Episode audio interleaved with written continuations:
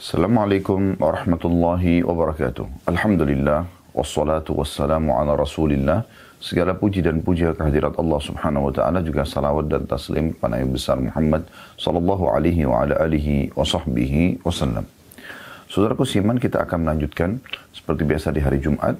Umumnya eh, sebelum kami umrah di waktu 13.00 waktu Indonesia Barat sampai 14.00 hanya karena kami lagi dari kota Rasulullah SAW Al-Madinah Munawwarah. Maka kita akan mulai selepas subuh di sini atau pukul 10.30 kurang lebih waktu Indonesia Barat. Dan kita akan melanjutkan kitab sedekah kita dan masih di bab uh, yang pertama yang atau bab yang kedua tepatnya. Karena bab pertama itu membahas tentang masalah anjuran membayar zakat dan penekanannya. Kalau di bab kedua ini masalah ancaman menolak membayar zakat dan keterangan tentang zakat perhiasan. Saya langsung saja masuk ke hadis pertama, saudaraku seiman. Semoga Allah SWT berkahi. Hadis nomor pertama di dalam bab kedua ini. Dengan sanad sahih dan urutan 754 dari awal belajar. Yang berbunyi dari Abu Hurairah radhiyallahu anhu dia berkata, Rasulullah SAW bersabda, "Ma min sahibi dhahabin wala fiddatin la yuaddi minha haqqaha illa idza kana yaumul qiyamati suffihat lahu safaihu min nar." فأحمي عليها في نار جهنم فيكوى بها جنبه وجبينه وظهره كلما بردت أعيدت له في يوم كان مقداره خمسين ألف سنة yuqda bainal ibad fayara sabilahum imma ilal jannati wa imma ilal nar. Jadi ini hadis cukup panjang. Saya langsung baca dulu terjemahan sampai di sini ya. Kata Nabi SAW, tidak ada pemilik emas dan perak yang tidak menunaikan haknya. Maksudnya zakatnya. Kecuali pada hari kiamat nanti akan dibuatkan untuknya lempengan-lempengan dari api Lalu ia dipanaskan di neraka jahanam, kemudian lambung, kening, dan punggungnya disetrika dengannya. Setiap kali dingin atau ia dingin, tadi lempengan emas dan perak itu, maka ia dikembalikan atau ia dipanaskan kembali. Sesuai dengan firman Allah dalam surah Al-Ma'arij ayat 4 yang artinya pada suatu hari yang kadarnya 50 ribu tahun. Sehingga diputuskan di antara para hamba, maka dia melihat jalannya ke surga atau ke neraka. Kemudian kita kembali lagi ke hadisnya, qila ya Rasulullah, ya Rasulullah, fal ibil fal iblu qala wala sahibu iblin la yuaddi minha haqqaha wa min haqqiha halabuha yawma wirduha illa idza kana yawmul qiyamati butiha laha biqa'in qarqarin aw farama kanat لا ين لا يفقد منها فصيلا واحدا تطأه بأخفافها وتعضه بأفواهها كلما مر عليه أولاها رد عليه أخراها في يوم كان مقداره خمسين ألف سنة حتى يقضى بين العباد فيرى سبيله إما إلى الجنة وإما إلى النار Ki, uh, sampai sini kita terjemahkan dulu dan ditanyakan juga kepada beliau tentang wahai Rasulullah bagaimana dengan unta? Orang yang punya peternakan unta. Rasulullah SAW bersabda tidak ada seorang pemilik unta yang tidak menunaikan haknya. Atau di antara dan di antara haknya adalah memerah air susunya. Pada hari di mana ia mendatangi sumber air. Kecuali pada suatu hari nanti hari kiamat dia pemilik unta tersebut akan dilemparkan kepada unta-unta tersebut di suatu padang yang datar dan tandus, di mana tidak hilang darinya seekor anak unta pun. Unta-unta itu akan menginjaknya dengan telapak kakinya dan menggigitnya dengan gigi-giginya. Setiap kali yang pertama berlalu, maka terakhir dikembalikan kepadanya. Sesuai dengan firman Allah dalam surah Al-Ma'arij ayat 4, pada suatu hari yang kadarnya 50 ribu tahun. Sehingga diputuskan di antara para hamba. Maka dia melihat jalannya ke surga atau ke neraka. Itu potongan yang kedua. Kemudian potongan yang ketiga dari hadis. Qila ya Rasulullah, fal baqaru wal ghanamu. Qala wala sahibu bakarin wala ghanamin la yuaddi minha haqqaha illa idha kana yawmul qiyamati butiha laha biqa'in qarqarin aw farama kanat la yafkidu minha syai'a. Laisa fiha أقصاء ولا جلحاء ولا أطباء تنطحه بقرونها وتطأه بأظلافها كلما مر عليه أولاها رد عليه أخراها في يوم كان مقداره خمسين ألف سنة حتى يقضى بين العباد فيرى سبيله إما إلى الجنة وإما إلى النار كلا يا رسول الله فالخير ya, jadi potongan ketiganya adalah dan ditanyakan kepada Nabi SAW bagaimana dengan pemilik sapi dan domba atau kambing maka Rasulullah SAW bersabda tidak pula pemilik sapi dan domba yang tidak menunaikan haknya zakatnya kecuali pada hari kiamat dia akan dilemparkan kepada sapi dan domba tersebut di sebuah daratan yang rata dan tandus yang sangat luas. Tidak satupun yang tertinggal, tidak ada yang bertanduk berliku-liku atau bengkok. Tidak ti, tidak ada pula yang tak bertanduk dan tidak ada pula yang bertanduk patah. Sapi-sapi dan domba-domba tersebut akan menyeruduknya dengan tanduk-tanduknya dan menerjangnya dengan kaki-kakinya. Setiap kali yang pertama ya, berlalu, maka yang terakhir dikembalikan kepadanya. Pada suatu hari yang kadarnya adalah 50 ribu tahun, dan potongan ini diambil, potongan terakhir diambil dari surah Al-Ma'arij ayat 4, sehingga diputuskan di antara para hamba, maka dia melihat jalannya ke surga atau ke neraka. Ditanyakan kepada Rasulullah SAW, wahai Rasulullah, bagaimana pula dengan ya, pemilik kuda? Ya. Maka Nabi SAW menjawab, mengatakan, Qala al-khailu thalatha, hiya li rajulin wizrun, وهي لرجل ستر وهي لرجل أجر فأما التي هي له وزر فرجل ربطها رياء وفخرا ونواء لأهل الإسلام فهي له وزر. وأما التي هي له ستر فرجل ربطها في سبيل الله ثم لم لم ينسى حق الله في ظهورها ولا رقابها فهي له ستر. وأما التي هي له أجر فرجل ربطها في سبيل الله لأهل الإسلام في مرح في مرج في مرج أو روضة. فما أكلت من ذلك المرج أو الروضة من شيء إلا كتب له عدد ما أكلت حسنات وكتب له عدد أو أرواثها وأبوالها حسنات ولا تقطع توالها فاستنت شرفا أو شرفين إلا كتب له عدد آثارها وأرواثها حسنات. ولا مر بها صاحبها على نهر Fasyaribat minhu wa la yuridu an yasqiyaha illa kataballahu ta'ala lahu adada ma syaribat hasanat. Qila ya Rasulullah fal humuru qala ma unzila alayya fil humuri illa hadhihi al-aya al-fadhati al-jami'ah. Wa man ya'mal mithqala dharratin khairan yara wa man ya'mal mithqala dharratin yara. Yang artinya ini potongan terakhir dari hadis dan ditanyakan pula kepada Nabi SAW tentang pemilik kuda. Maka Nabi SAW menjawab, Kuda itu ada tiga.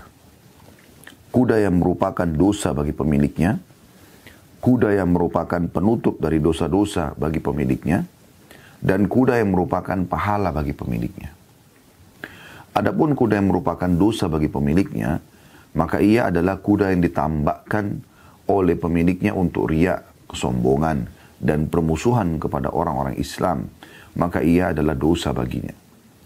Adapun kuda yang menutup merupakan penutup dari dosa-dosa bagi pemiliknya, maka ia adalah kuda yang ditambahkan oleh pemiliknya, kemudian dia tidak melupakan hak Allah pada punggungnya dan lehernya. Maka ia adalah penutup dari dosa-dosa baginya. Adapun kuda yang merupakan pahala bagi pemiliknya, maka ia adalah kuda yang ditambahkan oleh pemiliknya di jalan Allah untuk orang-orang Islam di padang gembala atau kebun. Tiada sesuatu pun yang ia makan di padang gembala atau kebun itu kecuali ditulis untuknya kebaikan sebanyak apa yang dimakan oleh kuda itu dan ditulis untuknya kebaikan-kebaikan sebanyak kotoran dan kencingnya Dan tidaklah tali kekangnya terputus. Lalu dia berlari dengan kencang sejauh satu atau dua putaran. Kemudian ditulis untuknya kebaikan sejumlah bekas kaki dan kotorannya.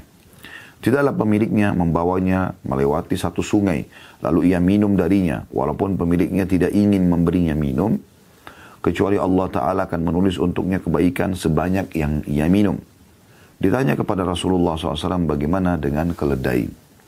Maka beliau menjawab, tidak diturunkan kepadaku dalam urusan keledai kecuali ayat yang istimewa dan menyeluruh ini. Barang siapa yang mengerjakan kebaikan seberat zarrah pun, niscaya dia akan melihat balasannya.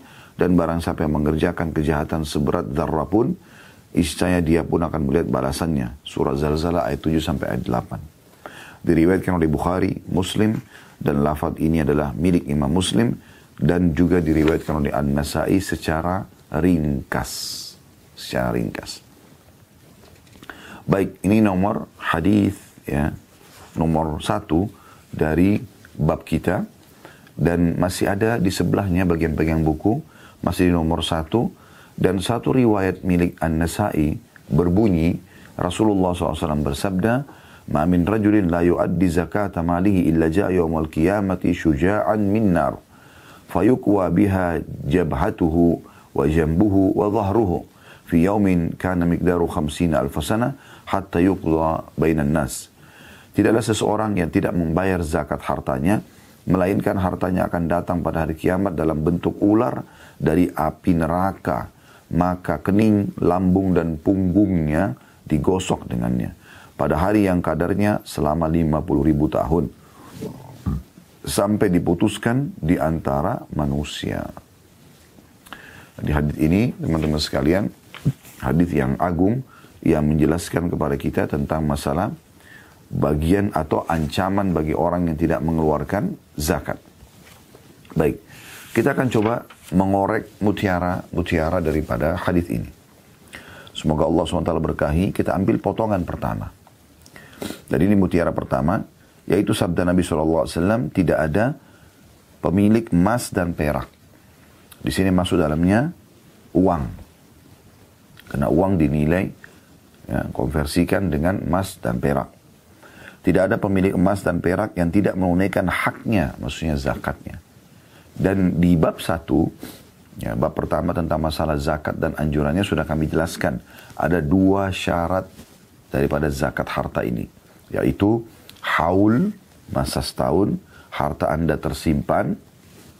Misal, Anda niat Ramadan yang lalu, awal haul, berarti Ramadan nanti ini, di bulan April, itu adalah penutupan haul Anda.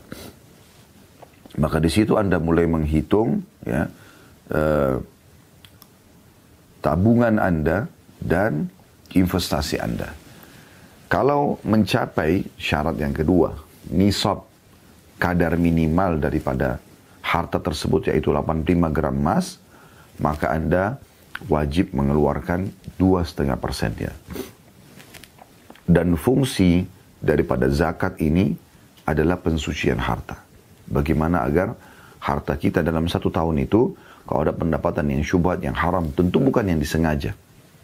Sudah kami berikan contoh misalnya, seseorang punya restoran. Dia nggak mungkin menanyakan kepada semua konsumennya, apakah uang kamu halal misalnya. Ya udah dia terima, secara zahir dia tahu orang ini belanja, makan di tempat dia. Ya udah, dia tinggal terima uangnya. Pemilik toko. Ya. Umumnya para pedagang menerima dari konsumen tidak mungkin dia tanya satu persatu Nah, zakat nanti mensucikan harta-harta itu. Jadi ini ya syaratnya zakat dan semua yang Anda gunakan mobil, rumah, pakaian, dompet, apa saja ya. Kalau Anda gunakan maka tidak ada zakatnya kecuali emas dan perak. Bagi wanita perhiasan cincin, kalung, segala macam ini walaupun Anda pakai tetap ada zakat. Tapi selain daripada emas dan perak maka tidak ada zakatnya ya. Di sini dikatakan, kalau orang-orang tidak menjalankan zakatnya, ya, dan ini mumpung kena dekat Ramadan, teman-teman sekalian, mulai sekarang Anda lebih baik niatkan, yang belum niatnya, haulnya Ramadan tahun lalu. Sehingga Ramadan ini, uh, Anda tinggal menghitungnya. Ya, jadi ancaman-ancaman seperti ini, Anda tidak dapatkan gitu. Kalau orang tidak mau menjalankan zakatnya, kata Nabi SAW, kecuali pada hari kiamat nanti, dibuatkan untuknya lempengan-lempengan dari api. Lempengan-lempengan dari api. ya. Jadi jangan dibayangkan api itu seperti api Anda di dunia. Karena api di akhirat itu ya eh, masih 69 kali lipat. Ya, ditambah dengan api dunia. Di 70 kali lipat lebih panas. Ya. Jadi panas dunia Panasnya bukan api yang korek gas ya, tapi panasnya itu api-api yang dipakai untuk ya me meleburkan, uh, membuat baja-baja besi yang yang suhunya luar biasa. Yang manusia begitu kalau kena mungkin langsung hangus. Nah itu api dunia itu. Ya kalau yang di kompor gas Anda, di korek gas Anda itu, itu bagian kecilnya ya. Tapi yang dimaksud adalah api yang paling panas di dunia. Nah itu di akhirat di neraka naudzubillah itu 69 kali lipat lagi. Ya. Begitu dijelaskan dalam hadis yang sahih dari Nabi Shallallahu Alaihi Wasallam. Nah nanti dibuat lempengan-lempengan dari api yang dia ya keras dan panas. Dikatakan dibuatkan lempengan-lempengan dari api, kemudian ya, dipanaskan di api neraka sehingga seperti menjadi lempengan yang keras dan panas. Ya. Kemudian distrikakan ke lambungnya atau diletakkan di lambungnya, keningnya dan punggungnya. Ya, jadi ini tempat-tempat yang paling sensitif. Ya. Di lambung, ya, di kening dan punggung. Kalau tiga ini sudah kena sesuatu, ya, panas misalnya, sesuatu yang panas, maka seluruh tubuh pasti akan panas. Ya. Makanya biasa orang kalau demam itu memeriksa keningnya, ya. Orang kadang-kadang lambungnya, punggung. Nah, ini sudah jelas berarti dia memiliki suhu panas, misalnya kalau dia demam ya, yang tinggi gitu. Dikatakan di sini, saya ulangi, tidak ada pemilik emas dan perak yang tidak menunaikan haknya, kecuali pada hari kiamat dibuatkan untuknya lempengan-lempengan dari api, lalu ia dipanaskan di neraka jahanam, kemudian lambung, kening, dan punggungnya disetrika dengannya. Setiap kali mendingin, nah ini menandakan berarti dia, api itu ya seperti lempengan-lempengan besi ya, tapi panas sekali. Hmm, mungkin Anda pernah lihat besi-besi yang uh, apa, masih merah ya, dari api. Nah, seperti itu. Setiap kali dia dingin, ya, karena sudah membakar gitu kan. Kalau orang yang di atas ini melebur terbakar, diutuhkan lagi. Begitu terus. Utuhkan terbakar lagi. Begitu terus. Sampai dia mungkin sudah sekian ribu kali di, diutuhkan lagi oleh Allah, terbakar lagi. Maka lempengannya mulai dingin, dipanaskan lagi. Kata Nabi SAW. Setiap kali dingin, maka ia kembali dipanaskan untuknya. Dan yang luar biasanya bukan cuma itu. Ya. Kata Nabi SAW, itu berlaku seperti yang Allah sebutkan dalam surah Al-Ma'arij ayat 4. Ya, Fi yaumin kana migdaru khamsina alfasana. Di hari pada saat itu, nilainya satu hari itu sama dengan 50 ribu tahun. Ya. Artinya, kalau seandainya Anda, na'udzubillah, orang yang tidak keluarkan zakat ini, semoga Allah mudahkan kita mengeluarkan zakat kita dan Allah mudahkan menghitung dengan cara detail karena ini bukan main-main. Di hari kiamat nanti akan didatangkan ya dia dan disiksa seperti itu kalau satu hari saja itu nilainya sama dengan 50 ribu tahun waktu dunia. Dan ini terjadi teman-teman sekalian sebelum ke neraka ya. Ini masih di mahsyar. Masih di mahsyar. Jadi orang yang tidak membayar zakat ini bukan main-main. Disiksa di kuburan, disiksa di mahsyar, puncaknya disiksa lagi di neraka. Terbukti diambil daripada potongan setelah itu kata Nabi SAW, maka ia akan dipanaskan untuknya kembali kalau sudah dingin pada hari yang kadarnya sama dengan 50 ribu tahun. Ya. Sehingga diputuskan di antara hamba, maka ia melihat jalannya ke surga atau ke neraka. Artinya memang itu masih di mahsyar. Ya. Setelah itu bisa saja dia ke surga atau dia ke neraka. Dari potongan ini kita bisa lihat berarti bukan mustahil di antara kaum muslimin yang tidak mengeluarkan zakat ini terancam sekali. Ini bukan berlaku pada orang kafir. Orang kafir dia bayar zakat tidak bayar zakat dia belum ada dalam hukum agamanya dan dia disiksa karena kekafirannya. Tapi yang dimaksud sini adalah orang muslim. Karena yang kena hukum wajib zakat adalah orang muslim. Rukun Islam dia yang ketiga. Maka hati-hati. Ini di mahsyar sebelum ke surga atau ke neraka. Ya. Dan disiksa terus dia sampai selesai ya dihakimi para hamba-hamba. Berapa lama Allahu alam. Kebanyakan dalam hadis yang kami pernah temukan Nabi SAW mengatakan pada hari itu Allahu alam lebih tahu Allah lebih tahu berapa lama manusia akan berdiri di mahsyar. Ada yang tenggelam dengan keringatnya sendiri sampai mata kakinya. Ada yang sampai lututnya, ada yang sampai dadanya, ada yang ada sampai perutnya, ada yang sampai dadanya, ada yang sampai tenggelam dengan keringat sendiri. Lalu Nabi SAW berikan isyarat ke hidungnya kalau tidak salah SAW. Ya. Itu saking susahnya orang pada saat itu. Kesempatan sekarang teman-teman sekalian kita masih hidup. Selamatkan diri kita. Jangan sampai nanti datang hari itu kita menyesal. Ya. Dan tidak ada ruginya kita menjadi orang yang patuh kepada Allah SWT. Sudah sering kami ingatkan, menjadi orang patuh itu nikmat. Ya, orang-orang yang sudah menikmati ibadah, on time sholat, tutup aurat, cari pendapatan halal, menjauhi dosa-dosa, gosip, fitnah, segala macam. Ada kenikmatan tersendiri. Ada kenikmatan tersendiri. Ya. Lalu kenapa kita harus pindah dari kenikmatan itu kepada ke, uh, susahnya uh, kemaksiatan itu? Karena orang kalau kemaksiatan, kalau dia melakukan dosa-dosa besar misalnya, maka akan repot dia sendiri. Karena itu ibarat racun, akan menyusahkan hidup dia. Minimal sekali yang hilang dari dia kehusuan dalam ibadah. Setelah itu baru pindah ke siksa-siksa Allah SWT yang akan datang kepada dia agar dia kembali ke jalan Allah. Jadi hitung baik-baik. Ya. Kemudian potongan kedua dari hadis ya, dan ditanyakan kepada beliau tentang unta, orang yang punya unta. Nah, kadar zakat unta ini teman-teman sekalian, kalau Anda memiliki satu tahun dan minimal lima ekor.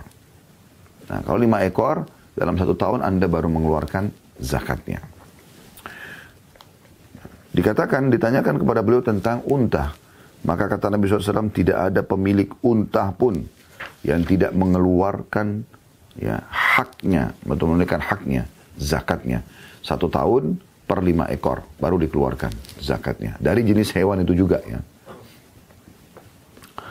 Uh, kemudian dikatakan termasuk haknya kata Nabi SAW adalah memerah susunya pada hari dia selesai meminum dari sumber air. Nah unta biasanya minum air, ya setelah minum air kantong susunya itu penuh, maka itu diperah. Karena kalau tidak kesian gitu, ya. Pada saat dia tidak punya anak-anak anak-anak yang bisa meminum susunya, maka itu bisa membuat untanya sakit. Ya. Maka ya, pemilik unta ini memerah susunya, mengeluarkan. Itu termasuk haknya yang harus diberikan. Kecuali kalau dia tidak memberikan itu haknya, tidak mengeluarkan zakatnya, kecuali pada hari kiamat, dia akan dilemparkan kepada unta-unta tersebut atau dia akan diletakkan di padang di sebuah padang yang datar dan tandus, nggak ada pohon, nggak ada apa, seperti padang pasir tandus, ditidurkan dia, dia nggak bisa bergerak, didatangkan semua unta yang dia miliki. Apakah unta yang sudah dijual, unta yang pada saat dia uh, dia gunakan, dia tunggangin ya dari peternakan dia, atau uh, pada saat dia sudah meninggal, ya, juga ada yang terus dijalankan atau dikembangkan, maka itu semua akan didatangkan. Tidak ada satupun ya, yang tertinggal. Kata Nabi SAW, Kecuali pada hari kiamat dia akan dilemparkan kepada unta-unta tersebut di satu padang yang datar dan tandus. Di mana tidak hilang darinya seekor anak unta pun. Unta-unta itu akan menginjaknya dengan telapak kakinya. Misalnya selama dia hidup 10 tahun dia punya peternakan unta. Dia udah jual seribu ekor unta. Seribu-seribunya didatangkan walaupun yang pernah dijual sama dia. Karena dia belum dizakati. Dia belum zakati. Kalau sudah zakati tidak kena. Tapi dia belum zakati. Maka didatangkan semuanya, kemudian menginjak-injak dan menggigit dia. Semuanya seribu ekor itu. Satu lewat, dua lewat, tiga lewat, terus sampai habis semuanya. Seribu ekor. Nah setelah selesai, yang nomor seribu ini kembali lagi melakukan hal yang sama. Gigit injak dia. Yang nomor 90, 999 kembali lagi. Terus sampai ke nomor satu. Selesai itu, yang nomor satu kembali lagi gigit dan injak dia. Terus nomor dua, nomor tiga, sampai nomor seribu. Setelah seribu selesai, kembali lagi nomor seribu ini menggigit dia sampai nomor satu. Begitu terus. Ya, kata Nabi SAW, kecuali pada hari kiamat dia dilemparkan di di, eh, kepada unta-unta tersebut di suatu padang yang datar dan tandus di mana tidak hilang darinya seekor anak unta pun. Unta-unta itu akan menginjaknya dengan telapak kakinya dan menggigitnya dengan gigi-giginya. Setiap kali yang pertama berlalu, maka yang terakhir dikembalikan kepadanya. Ya. Pada hari ya, yang kadarnya 50 ribu tahun. Sehingga diputuskan di antara para hamba, maka dia melihat jalannya ke surga atau ke neraka. Jadi ini peringatan untuk menzakati unta. Ya walaupun kita di Indonesia tidak ada unta atau belum ada yang ternak unta ya Allah alam satu waktu nanti, tapi minimal kita mengetahui itu. Nah, potongan yang ketiga ini masuk pada para pengembala-pengembala atau pemilik, pemilik peternakan di kita ya. Yaitu ditanyakan kepada beliau tentang sapi dan domba. Rasulullah SAW menjawab, tidak pula pemilik sapi dan domba yang tidak menunaikan haknya Kecuali pada hari kiamat dia akan dilemparkan kepada sapi dan domba tersebut di sebuah daratan yang rata, tandus, dan sangat luas. Tidak satupun yang tertinggal. Tidak ada yang bertanduk berliku-liku. Ya. Tidak ada yang bengkok tanduknya. Dan tidak ada yang tidak bertanduk. Dan tidak ada pula yang tanduknya patah. Jadi kalau misalnya selama ini Anda punya sapi, Anda punya domba, tidak ada tanduknya, maka Allah akan munculkan tanduknya pada hari kiamat. Kalau ada yang bengkok tanduknya, diluruskan, runcing, tajam. Kalau ada yang patah, Allah utuhkan. Jadi semua bertanduk. Mau jantan atau betina. Semuanya tajam tanduknya. Ya, kemudian dikatakan, saya ulangi, tidak pula pemilik sapi dan domba yang tidak menunaikan haknya kecuali pada hari kiamat dia akan dilemparkan kepada sapi dan domba tersebut di sebuah daratan yang rata, tandus dan sangat luas. Tidak satupun yang tertinggal, tidak ada yang bertanduk berliku-liku, tidak ada yang tak bertanduk dan tidak tidak pula yang bertanduk patah. Sapi-sapi dan domba-domba tersebut akan menyeruduknya dengan tanduk-tanduknya dan menerjangnya dengan kaki-kakinya. Misalnya tadi saya sudah kasih contoh kalau unta, sapi misalnya, dia punya seribu ekor sapi. Walaupun yang sudah dijual ya, tidak pernah dizakati sama dia. Sementara kalau sapi, per 30 ekor sapi. Hmm, kalau Anda sudah punya 30 ekor sapi dalam satu tahun, maka Anda wajib mengeluarkan zakatnya. Ya, kalau domba per 40 ekor. Jadi kalau unta 5 ekor, kalau sapi 30 ekor, kalau domba itu 40 ekor. Ya. Maka Anda keluarkan zakatnya. Ini ada hitung-hitungan sendiri tentunya dan ada bahasanya, ada tabel zakat. Anda bisa temukan banyak insya Allah di Google pun ada ya tentang tabel-tabel zakat ini ya kalau Anda punya peternakan. Intinya ada harus wajib mengeluarkan zakatnya. Kalau tidak maka do, sapi dan domba ini akan didatangkan nanti pada hari kiamat di mahsyar. Uh, ini belum ke neraka ya. Dihidupkan oleh Allah SWT semuanya sapi-sapi tersebut walaupun yang sudah sembeli, disembeli, ya mati dan segala macam dibangkitkan semua. Beberapa ribu ekor, anggaplah seribu ekor sapi saja. Maka sapi ini akan menginjaknya dan menanduknya. Satu, dua, tiga, empat. Satu aja sudah cukup membuat mungkin badannya berdarah, luka. Yang kedua, yang ketiga, yang keempat sampai seribu. Setelah selesai, yang nomor seribu kembali lagi menanduknya dan menginjaknya. Terus nomor 999, 998, terus sampai nomor satu. Setelah selesai nomor satu kembali lagi menginjaknya dan menanduknya. Terus begitu. Sampai nanti, kata Nabi SAW, hari itu 50 ribu tahun waktunya. Juga sama domba kasusnya. Yang punya peternakan domba. Apalagi kalau yang punya tiga-tiganya. Ada orang mungkin punya peternakan besar. Sudah sifatnya internasional. Ya mungkin mengekspor ya. Daging-daging hewan ini tanpa menjalankan zakatnya. Dia punya unta, dia punya sapi, dia punya kambing. Nah, ini banyak sekali ya. Itu semuanya akan menyiksa dia. Gitu. Domba juga begitu. Misalnya dia punya seribu domba. Ini misal saja ya. Maka Domba itu semua tanduknya tajam, akan menanduk dia dan menginjak dia. Nomor satu sampai nomor seribu. Setelah itu nomor seribu selesai menanduk dan menginjak dia, kembali yang nomor seribu ini menanduk dan menginjak dia, terus sampai nomor satu lagi.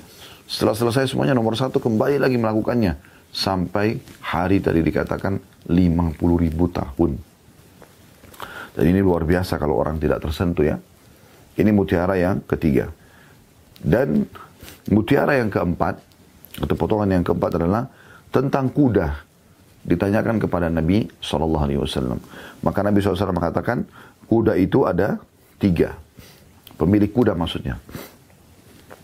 Ada pemilik kuda yang atau ada kuda. Kuda itu dibagi tiga. Ada kuda yang menjadi dosa bagi pemiliknya.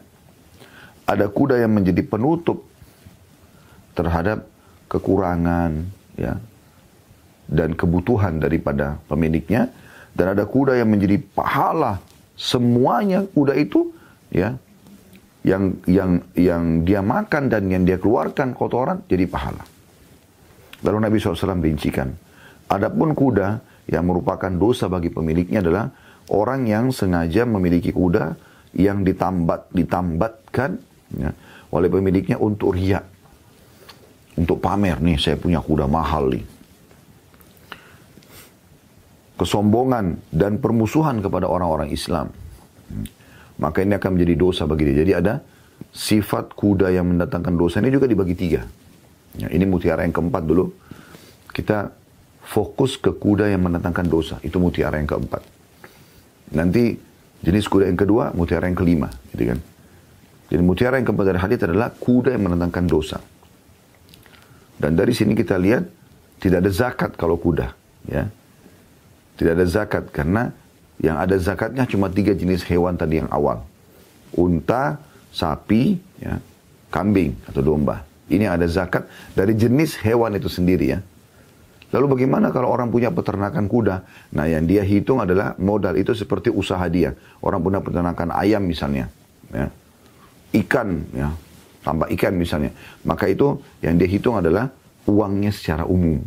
Masuk dalam total harta yang dia hitung mirip dengan emas dan perak tadi. Dimasukkan dalam bentuk nilai hartanya. Jadi tidak ada zakat dalam bentuk hewan. Tapi tiga jenis hewan tadi unta sapi dan domba ini wajib zakat dari jenis hewan itu sendiri nah kalau kuda ya di sini dikatakan tidak disebutkan zakat yang Nabi SAW tapi disebutkan kuda bisa menjadi tiga jenis kuda dibagi pemiliknya. Yang pertama datangkan dosa. Nah dosa ini adalah orang yang ria. Ini sub bahasan dari mutiara keempat tentang kuda yang mendatangkan dosa. Dia ria. Dia hanya untuk pamer. Naik kuda pada saat berjihad. Kemudian dia hanya untuk dibilang, oh dia jagoan. Ya. Atau kesombongan. Kesombongan. Jadi dia uh, hanya untuk menunjukkan kalau dia orang kaya karena biasa kalau kuda-kuda yang untuk tanding segala macam itu kan mahal harganya. Ya. Maka ini dia sombong. Berbangga-bangga. Dan yang ketiga, sub bagian daripada kuda yang mendatangkan dosa, yaitu digunakan untuk memerangi kaum muslimin. Maka ini jadi dosa buat dia. Ya.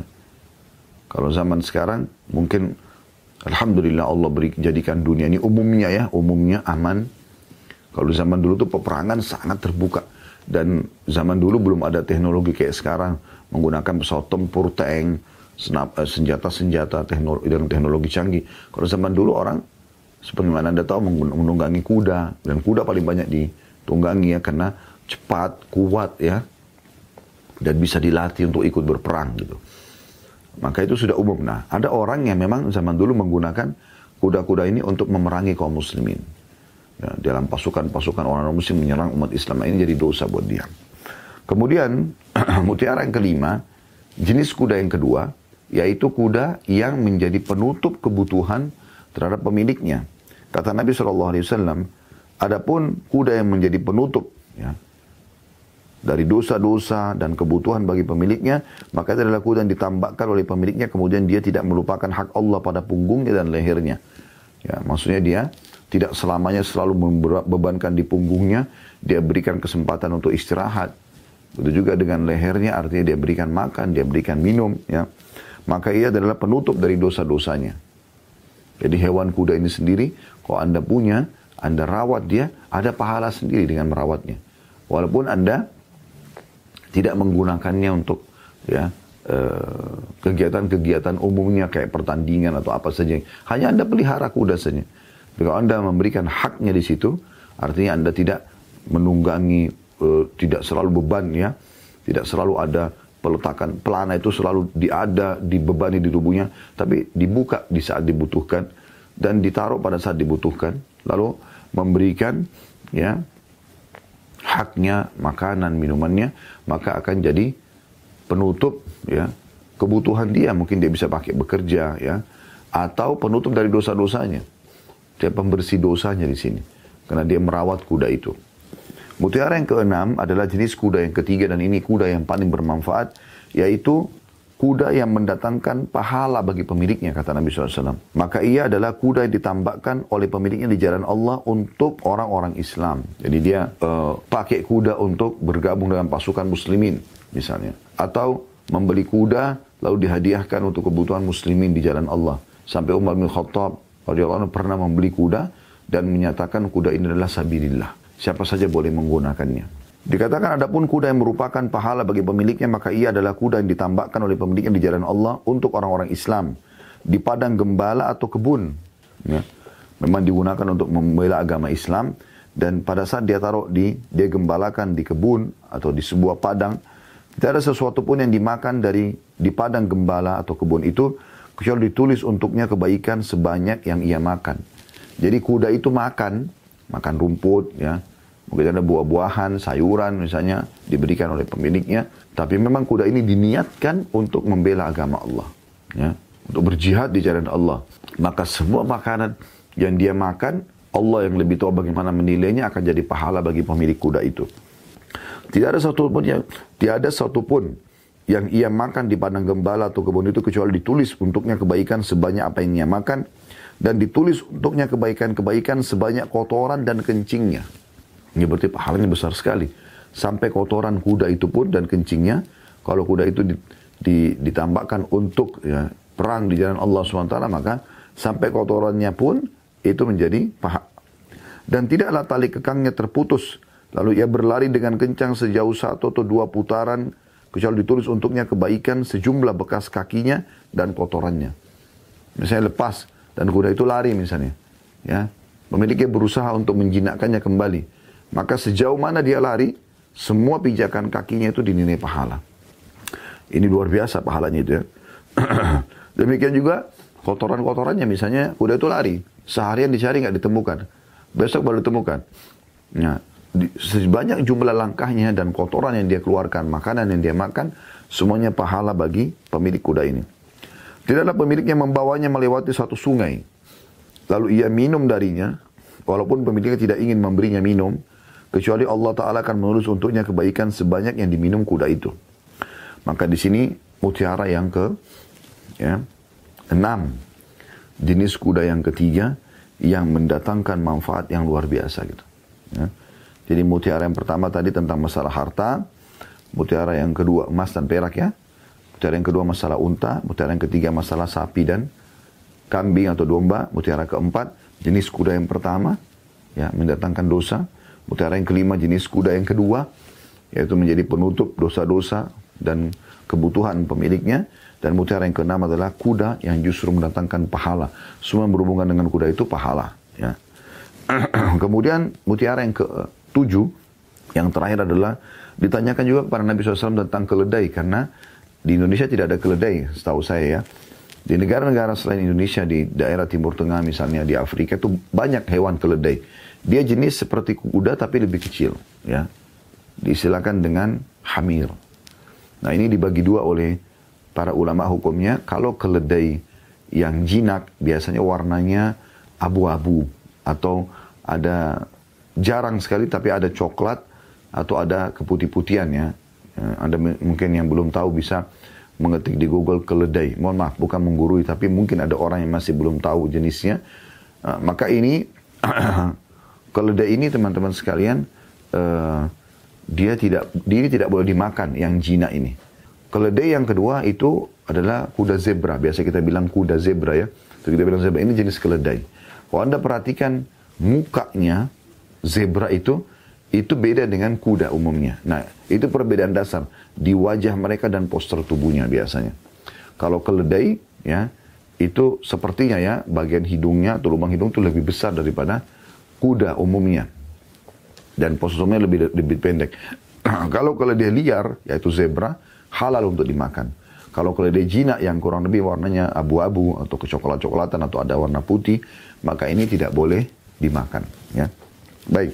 Waktu ditanya, ya Rasulullah bagaimana dengan keledai? Kata Nabi SAW, tidak diturunkan kepadaku dalam urusan keledai, kecuali ayat yang ya menyeluruh ini maksudnya ayat yang umumnya dia masuk dalam umumnya firman Allah SWT barang siapa mengerjakan kebaikan sebesar zarrah pun niscaya dia akan melihatnya. Wa may ya'mal mithqala dzarratin khairan yara. Wa may ya'mal mithqala dzarratin syarran yara. Dan siapa yang berbuat seperti biji sawi dari keburukan maka dia akan melihatnya. Maksudnya perbuatan apa pun yang kamu lakukan kalau keledai tidak ada secara khusus keutamaannya dan umumnya juga perbuatan baik apa pun yang kamu kerjakan walaupun kecil akan dapat pahala. Kalau kau berbuat jahat maka akan mendapatkan dosa. Contoh misal di zaman Nabi SAW pernah ada orang yang supaya keledainya tidak hilang, dia mencap wajah keledainya dengan besi panas. Maka Nabi SAW memarahi dan menyatakan dilaknat oleh Allah orang yang menyakiti hewan seperti ini misalnya. Ya.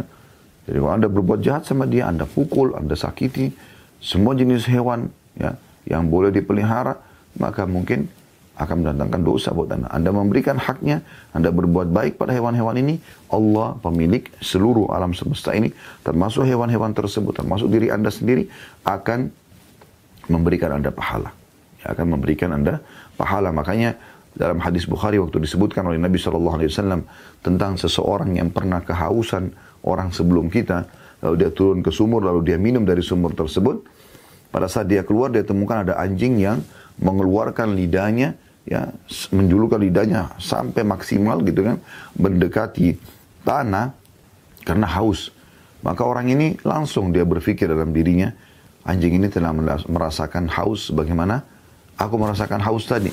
Tanpa banyak berpikir dia turun ke dalam sumur tersebut kembali.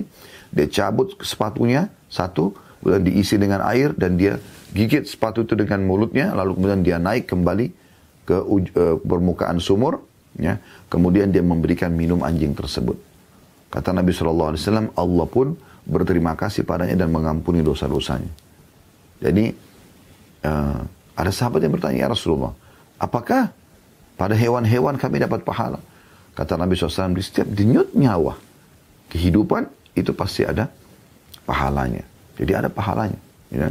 Tentu tidak masuk dalam sini adalah hewan-hewan yang haram atau yang anda disuruh bunuh misalnya. Kan ada jenis hewan yang kita wajib bunuh ya. Kata Nabi SAW, lima jenis hewan dalam sebuah hadis bunuhlah hewan ini di wilayah haram. Wilayah haram itu kayak Mekah sama Madinah ya. Ini kan kalau anda ikutin kemarin kami waktu Tur City uh, di kota Madinah bersama jemaah Uhud, maka kami sempat jelaskan kalau Madinah salah satu kelebihannya adalah kena wilayah haram. Mekah juga wilayah haram. Raja Saudi punya julukan Khadimul Haramain Ash-Sharifain, pembantu Al-Haramain dua wilayah yang diharamkan atau dimuliakan. Asyarifain yang suci. Di sini tidak boleh cabut pohonnya, nggak boleh dibunuh hewan e, buruannya ya. Orang buat dosa bisa mendapatkan pelipat gandaan hukuman itu kan. Maka ini harus hati-hati wilayah haram itu. Maka di sini teman-teman sekalian, uh, kalau di wilayah haram ini tidak boleh kita sembarangan membunuh hewan kecuali lima jenis hewan kata Nabi SAW bunuhlah hewan ini di wilayah haram atau di luar haram. Lalu beliau sebutkan ya lima jenis hewan ini. Saya tidak ingat urutannya pasnya tapi kurang lebih ya anjing buas, kemudian ya, bukan anjing umumnya tapi anjing yang buas ya, yang mengganggu orang segala macam gitu ya. Kemudian yang kedua itu raja wali, burung raja wali. Kemudian yang ketiga burung gagak ya, yang kalau tidak salah dalam hadis itu dikatakan bagian dadanya ada berwarna, bulu berwarna putih Ya. Kemudian yang keempat itu uh, uh, burung gagak, kemudian ular, ya, dan yang kelima adalah tikus. Nah ini lima jenis hewan ini yang dianjurkan untuk dibunuh. Dalam hadis yang lain, kita juga dianjurkan untuk membunuh kala jengking, ya, kala jengking. Bahkan kalau lagi sholat pun dalam hadis disebutkan kala jengking boleh kita membunuhnya karena dia umumnya menyakiti. Dan dalam riwayat yang lain juga ada cecak. Ya. Dan Nabi SAW berikan julukan dengan fuwaisiqah. Jadi tujuh jenis hewan ini boleh dibunuh. Ya. Ini berarti juga sekaligus tidak boleh diternak karena memang disuruh bunuh. Ya. Karena memang disuruh bunuh. Ada juga jenis hewan yang tidak disuruh bunuh tapi tidak boleh dipelihara. Nah, tidak boleh dipelihara seperti hewan-hewan yang tidak boleh dimakan misalnya ya. Nah, ular ya. Eh, yang bertaring ya seperti kaum muslimin juga dilarang untuk memelihara anjing ya. Kecuali anjing yang digunakan untuk berburu. Ya, sebagaimana Allah sebutkan dalam surah Al-Ma'idah surah nomor 5 ayat empat ya. Uh, juga dalam hadis Nabi SAW dijelaskan masalah itu kalau anjing berburu atau anjing untuk menjaga ladang atau peternakan itu masih dibolehkan gitu kan. Kalau selain daripada ini hanya untuk uh, hobi saja ini tidak boleh ya. Ini tidak boleh. Karena Nabi SAW uh, rumah yang ada anjingnya dan patungnya tidak akan dimasuki oleh malaikat. Dan pernah Nabi SAW mau masuk ke rumah, beliau terlambat masuk ke rumah. Kemudian Aisyah bertanya pada saat beliau masuk ke dalam rumah, karena Nabi sempat menunggu cukup lama depan pintu. Ya Rasulullah, kenapa anda tidak masuk tadi? Kata Nabi SAW, bersamaku Jibril, dan di depan rumah tadi ada anjing. Ya. Sampai anjing itu pergi, baru kemudian ya aku masuk dan juga Jibril gitu kan. Alaihi wassalam. Jadi memang tidak boleh. Nah, tapi ada jenis hewan yang bertaring cuma boleh dipelihara seperti kucing misalnya ya Nah itu boleh saja dipelihara, tapi jauh lebih baik teman-teman sekalian kalau hewan-hewan ini sebagaimana dia hidup di, di alam lepas Allah ciptakan, maka kita lepaskan. Biarkan dia hidup di alamnya, gitu kan? Itu jauh lebih baik tentunya. Allahu alam. Baik teman-teman sekalian, ini yang bisa diambil daripada hadis ya, yang kita baru bacakan. Dan ada potongan hadis masih di nomor satu juga namun ini menguatkan atau men, lebih mem, mempertegas tentang zakat harta saja. Bukan hewan-hewan gitu kan. Yaitu hadis riwayat An-Nasai tadi sudah kita bacakan, saya ulangi lagi. Yang kata Nabi SAW tidak ada seseorang yang tidak membayar zakat hartanya. Emas, perak, uang ya. Melainkan hartanya akan datang pada hari kiamat dalam bentuk ular dari api neraka. Ular ya dari api neraka. Maka kening, lambung, ya, Ya, saya ulangi, tidak ada seorang pun yang tidak membayar zakat hartanya, melainkan hartanya akan datang pada hari kiamat dalam bentuk ular dari api neraka, pada kening lambung dan punggungnya digosok dengannya. Pada hari yang kadarnya selama 50 ribu tahun. Sampai diputuskan di antara manusia. Jadi ini menitik beratkan tentang masalah harta itu akan berubah menjadi ular. Dalam riwayat lain dijelaskan seperti itu ya dia berbentuk seperti ular, kemudian melilit tubuhnya, ya. kemudian dia mengatakan aku adalah hartamu, aku adalah simpananmu, lalu dia akan mematok-matok kepalanya orang tersebut. Dalam riwayat lain juga sudah kita sebutkan di uh, bab sebelumnya ya, maka uh, orang yang menolak membayar zakat itu hartanya akan berbentuk ular dan mengatakan ular itu mengejarnya ke mana pun dia lari di mahsyar nanti dan dia akhirnya tidak bisa lagi lari Kemudian ular itu mengatakan, ambillah hartamu yang selama ini kau simpan. Maksudnya di dalam mulutnya ular itu. Maka dia pun terpaksa karena sudah tidak bisa lari lagi, memasukkan tangannya atau memasukkan bagian kepala dan tangannya ke dalam mulut ular seakan-akan ingin mengambil harta tersebut. Lalu kemudian ular itu memakannya, kata Nabi SAW, sebagaimana ular jantan melahap ya, mangsanya. Jadi memang itu berbahaya sekali. Oleh karena itu teman-teman sekalian, bagi yang Allah amanahkan harta, maka hati-hati. Harus perhatian ya dengan masalah hal seperti ini. Dan uh, kita akan bacakan ada hadis kedua dan hadis ketiga karena memang ini mirip ya, ini mirip. Jadi saya bacakan saja karena memang ini bagian dari bahasan kita.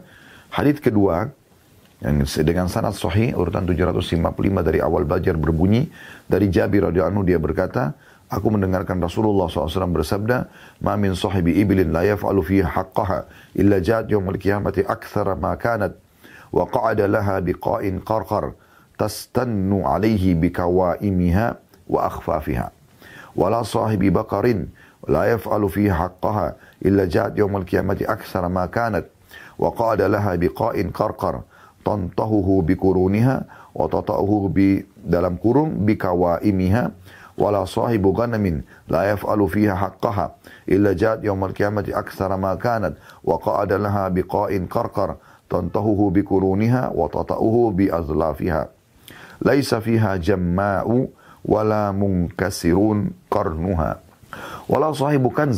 la yaf'alu fiha haqqahu illa ja'a kanzuhu yawmal qiyamati syuja'an aqra' يتبعه فاتحا فاه.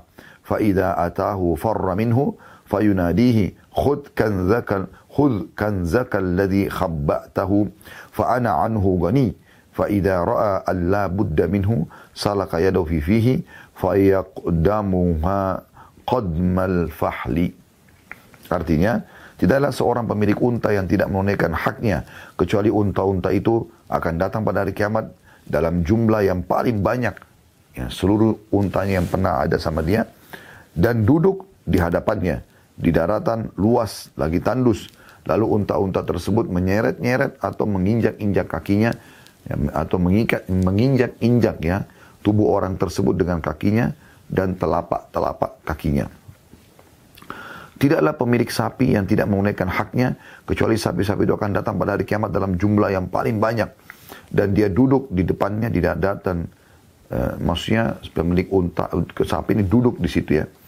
Duduk di hadapannya, di dalam di, di, di daratan luas lagi tandus, lalu sapi-sapi tersebut menanduknya dengan tanduk-tanduknya dan menginjaknya dengan kakinya dan tidaklah pula pemilik domba yang tidak menunaikan haknya kecuali domba-domba itu akan datang pada hari kiamat dalam jumlah paling banyak. Dan dia duduk di depannya di daratan luas lagi tandus. Lalu domba-domba tersebut menanduknya dengan tanduk-tanduknya dan menginjaknya dengan kakinya.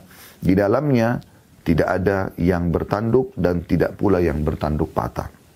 Dan tidaklah pemilik harta simpanan yang tidak menunaikan haknya kecuali harta kekayaan itu akan datang pada hari kiamat dalam bentuk ular botak ya yang memburunya dengan membuka mulutnya. Jika ia mendatanginya, ya, maka ia berlari darinya. Maksudnya, kalau ular itu mendekati dia, orang itu lari darinya. Maka ia berseru kepadanya, maksudnya ular itu, ambillah hartamu yang kau simpan, aku tidak memerlukannya. Manakala dia melihat bahwa dia tidak bisa menghindar lagi dari ular itu, maka dia memasukkan tangannya ke dalam mulut ular itu, lalu ular itu melumatnya seperti ulan, ular jan, eh, seperti unta jantan melumat. Ya, unta jantan melumat. Ya. Jadi hadis ini tidak perlu kita jelaskan karena mirip tadi ya. Tinggal eh, ini penguatan saja. Demikian juga sebagai penutup teman-teman sekalian, hadis nomor tiga dengan sanad sahih. Urutan 756 dari awal belajar berbunyi dari Abdullah bin Mas'ud radhiyallahu anhu dari Rasulullah sallallahu alaihi wasallam beliau bersabda, "Ma min ahadin la yuaddi zakata malihi illa musila lahu yaumal qiyamati syuja'an aqra hatta yutawwaqa bihi 'unuquh." Thumma qara alaina an-nabiyyu misdaq wa misdaqahu min kitabillah wa la yahsabanna alladziina yabkhuluna bima atahumullahu min fadlihi huwa khairan lahum. Artinya tidaklah seseorang yang tidak menunaikan zakat hartanya Kecuali pada hari kiamat harta itu akan diwujudkan dalam bentuk seekor ular yang botak yang akan dililitkan di lehernya. Kemudian Nabi SAW membacakan pembenaran pembenaran uh, penyampaian ini dari kitab Allah Al-Quran yang arti dalam surah Al-Imran 108. Sekali-kali janganlah orang-orang yang kikir dengan harta yang Allah berikan kepada mereka dari karunia-Nya itu menyangka bahwa kebakhiran itu baik bagi mereka. Kalau lanjutan ayat, ketahuilah bakhil itu justru buruk buat mereka. Diriwayatkan oleh Ibnu Majah dengan lafaz hadis ini milik dia juga An-Nasai menyebutkan dengan sanad sahih dan Ibnu Khuzaimah juga menyebutkan dalam sahihnya. Kesimpulannya teman-teman sekalian adalah orang-orang yang memiliki diamanakan harta, dia boleh menikmatinya tapi jangan lupa haknya. Ada hak yang Allah SWT sudah tentukan yaitu zakat dari harta tersebut. Kalau tidak, maka akan ada hukuman dari Allah subhanahu wa ta'ala. Allahu alam. Ini bahasan kita insya Allah